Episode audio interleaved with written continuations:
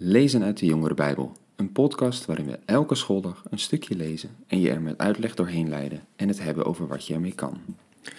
Dag jongens en meiden, goed dat je weer luistert naar de podcast. Deze week wil ik met jullie lezen uit Matthäus, een van de evangelie. En dus uit het verhaal van Jezus. Kijk, ik heb het best vaak over Paulus, wat hij allemaal aan ons schrijft en wat het evangelie inhoudt, het goede bericht. Maar ik blijf de verhalen van Jezus toch altijd wel heel indrukwekkend vinden om te lezen. wat hij allemaal heeft meegemaakt. Gewoon ook hoe hij is en reageert. Hoe hij zo liefdevol met de mensen omgaat. En wat ik helemaal altijd indrukwekkend vind is om te lezen wat er allemaal gebeurt naar de kruisiging toe. En dat is ook wat ik met jullie wil lezen deze week. Alles wat er staat naar die kruisiging toe en de kruisiging zelf.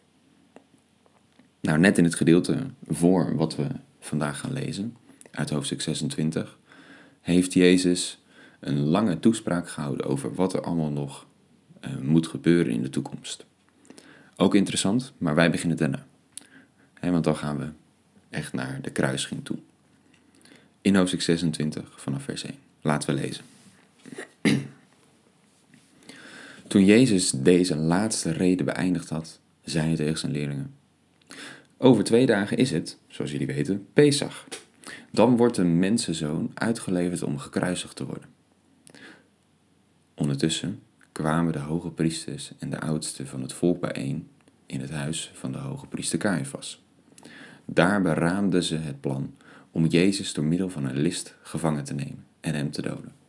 Maar niet op het feest, zeiden ze want dan komt het volk in opstand.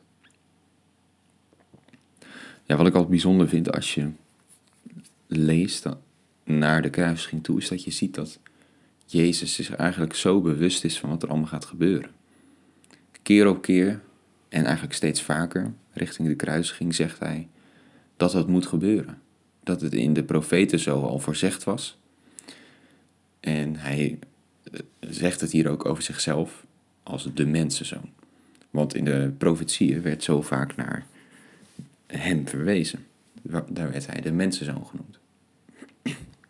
En eigenlijk zien we dus direct daarna dat deze profetie ook al bezig was om vervuld te worden. Want de hoge priesters en de oudsten van het volk wilden hem ook daadwerkelijk gevangen nemen en doden. Nou, en in de tussentijd dan is Judas geprikkeld door de situatie. En er worden wel eens verschillende dingen geopperd waarom Judas uh, eigenlijk uiteindelijk Jezus heeft overgeleverd. was hij uh, eigenlijk juist een groot fan van Jezus, die wilde dat hij al die dingen deed die voorzegd waren, dat hij de redder van het volk zou worden. Maar Jezus die was alleen maar aan het praten over hoe hij moest sterven. Dus hij dacht, nou, misschien als ik hem een beetje uit de tent lok, zou het dan gebeuren? Het zou kunnen. Of misschien was het het verhaal van die vrouw die een pot met veel te dure olie uitgoot. Verspilde eigenlijk. Terwijl Judas zoiets had van dat is zoveel geld.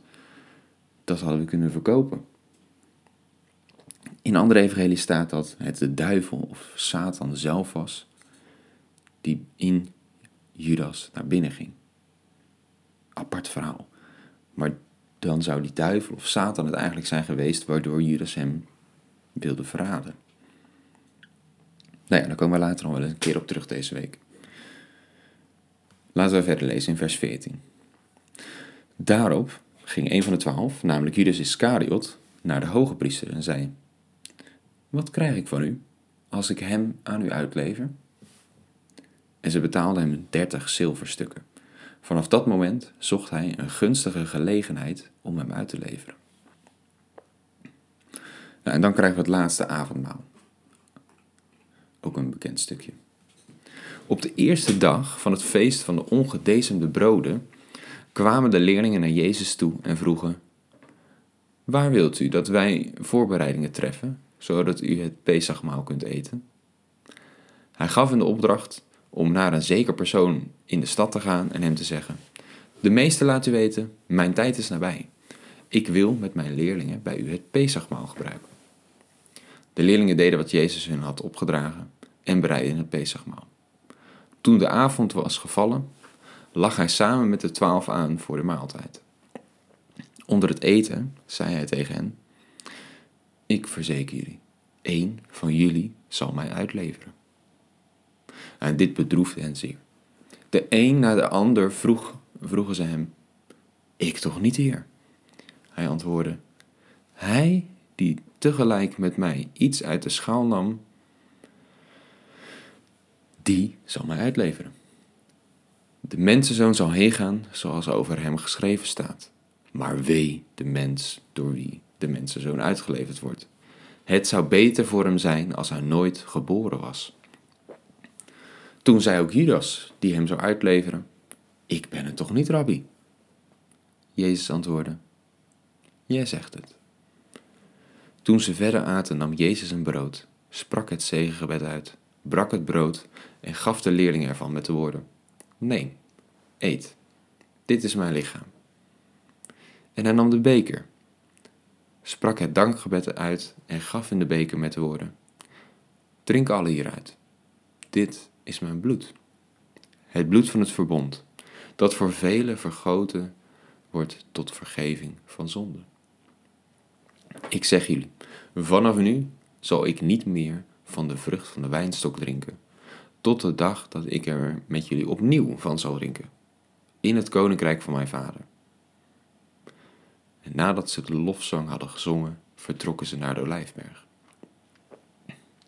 Ja, wat Jezus hier doet, het breken van het brood en het zeggen dat het zijn lichaam voorstelt, en het drinken van de wijn en zeggen dat het zijn bloed is, dat is ook wat erachter zit als we in de dienst de maaltijd van de Heer vieren. dat is als we in de dienst zitten en er komt uh, zo'n schaal langs met allemaal stukjes matsen en van die bladen met kleine bekertjes druivensap. Dan doen we eigenlijk ook dat. Dan nemen we die matsen en dan zeggen we: Dit is zijn lichaam. Dit stelt zijn lichaam voor, gebroken voor ons, zodat wij juist één geheel kunnen vormen als gelovigen bij elkaar. En dan pakken we dat bekertje, die druivensap, en dan zeggen we: Dit stelt zijn bloed voor. Wat vergoten is voor ons, zodat wij weer een relatie met God kunnen hebben. Zodat wij weer met Hem in een relatie kunnen staan. Dat we dat doen, dan herdenken we dus eigenlijk, net zoals Jezus hier vraagt, wat er allemaal gebeurd is, wat Jezus voor ons gedaan heeft. Het blijft ook altijd mooi om te doen. Maar laten we nog een klein stukje verder lezen. Onderweg zei Jezus tegen hen: Jullie zullen mij deze nacht allemaal afvallen.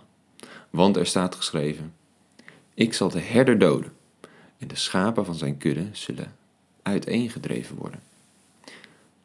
Maar nadat ik uit de dood ben opgewekt, zal ik jullie voorgaan naar Galilea. Petrus zei erop tegen hem: Misschien zal iedereen u afvallen, ik nooit.